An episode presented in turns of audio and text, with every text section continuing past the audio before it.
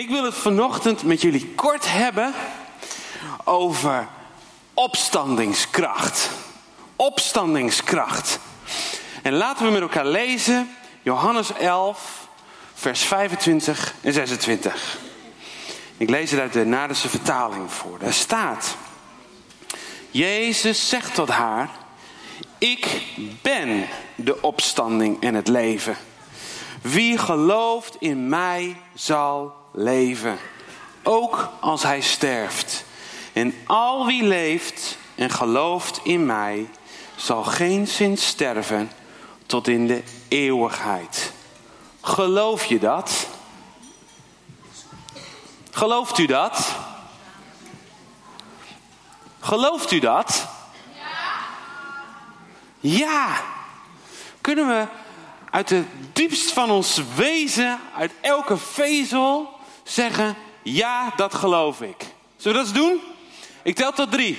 1, 2, 3. Amen. Want vanmorgen is iedereen die hier zit opgestaan. We zijn opgestaan. We zijn opgestaan uit ons bed. We zijn opgestaan misschien wel van een stoel. Misschien ben je wel van de wc opgestaan. We zijn allemaal opgestaan. Een mens staat niet één keer per dag op, maar zelfs wel meerdere keren per dag. En zoals we weten kan het woord opstaan verschillende betekenissen hebben. Maar hoe je het ook wendt of keert, om op te kunnen staan is er kracht nodig. Kracht die jou in staat stelt om op te staan. Kracht als brandstof om op te staan. Waarom blijven mensen in hun bed liggen? Omdat ze niets meer hebben om voor op te staan. Ze hebben geen drive, geen brandstof meer om op te staan. Waarom staan mensen niet meer op tegen armoede? Omdat ze geen drive, geen brandstof meer hebben om op te staan. Waarom staan mensen niet meer op voor hun huwelijk, voor hun gezin, voor de mensen van wie ze houden? Omdat ze geen drive meer hebben, geen brandstof meer hebben om op te staan. Ze zijn opgebrand. De brandstof is op. Ze zijn geestelijk gaan liggen en kunnen niet meer opstaan. En dit is voor heel veel mensen de realiteit in de wereld van vandaag. Ze zijn opgebrand. Ze voelen het of ze raken opgebrand. Omdat ze tot de ontdekking komen dat ze niet meer op kunnen staan. Dat ze het heel lang geprobeerd hebben om op te staan. Dat ze het heel lang op eigen kracht hebben geprobeerd. Maar uiteindelijk ontdekken ze dat hun way of life niet meer leidt tot op kunnen staan.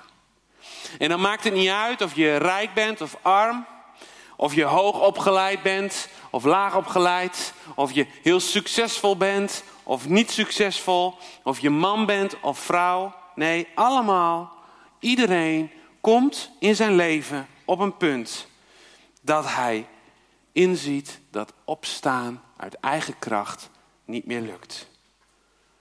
En wat voor heel veel mensen geldt, zien we vandaag in de wereld om ons heen. Er blijft maar onlog in deze wereld. Er blijft maar onrecht in deze wereld. En dan komen wij als kerk, als gemeente van Jezus Christus, vandaag bij elkaar. En dan hebben we het over opstandingskracht. Dan hebben wij het over Jezus die opstond uit de dood. En we zeggen met onze blije hoofden tegen elkaar: Halleluja, de Heer is. Ja. We staan stil bij de overwinning die Jezus 2000 jaar geleden aan het kruis haalde. Toen hij stierf en drie dagen later weer opstond uit de dood. En soms lijkt het erop dat er in die 2000 jaar nadat Jezus stierf en opstond uit de dood,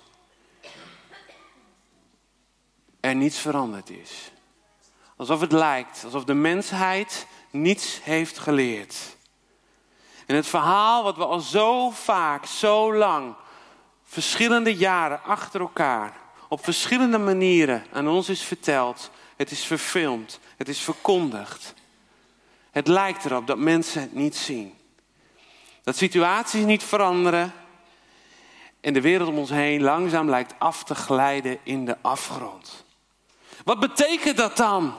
Overwinning op zonde en dood. Wat betekent dat dan? Opstaan uit de dood. Wat betekent het dan om in eeuwigheid niet meer te sterven? Het antwoord is heel simpel, heel mooi en heel bijzonder tegelijk. Want dat antwoord is, omdat Jezus is opgestaan, heb jij nooit meer een reden om te blijven liggen. Omdat Jezus is opgestaan uit de dood, kunnen wij opstaan. Elke dag weer tegen dat wat onrecht heet. Als jij struikelt en blijft liggen, kun jij door Jezus opstanding zeggen: Ik sta ook op. Heer, want u bent opgestaan. En omdat u bent opgestaan, hoef ik niet te blijven liggen. En je zorgen, hoe groot ze ook zijn, de obstakels in jouw leven, hoe groot ze ook zijn, hoe donker jouw nacht ook is, de zon gaat altijd weer op door de opstandingskracht van Jezus. Hoe leeg jouw tank ook is, er is altijd nieuwe brandstof. Door de opstandingskracht van Jezus. De val, de nacht en de leegte hebben niet meer het laatste woord in jouw leven. Maar Jezus' opstandingskracht is het laatste woord. Zijn opstanding, zijn licht, zijn overwinning zijn glorie zijn de absolute winnaar geworden in het leven. Je hebt de zekerheid dat het stoplicht altijd op groen springt. Door de opstandingskracht van Jezus. Dat het goed komt. Want wereldse hoop gaat over verlangen. Och, ik hoop dit. Ik hoop dat. Maar het geloof in de opstandingskracht van Jezus is onze zekerheid van de dingen die we niet zien. Gelooft u dat? Dat je door Hem de zekerheid hebt dat de mensen die jou hebben pijn gedaan, dat de mensen die jou hebben teleurgesteld, dat je kracht hebt gekregen om ze te kunnen vergeven. Dat je als je struikelt in het leven, of het nou is in overspel, of het is in verslaving, of het, het maakt niet uit. Er is opstandingskracht, waardoor jij kunt zeggen, hij regeert. Hij heeft het laatste woord, want hij heeft de dood en de zonde overwonnen.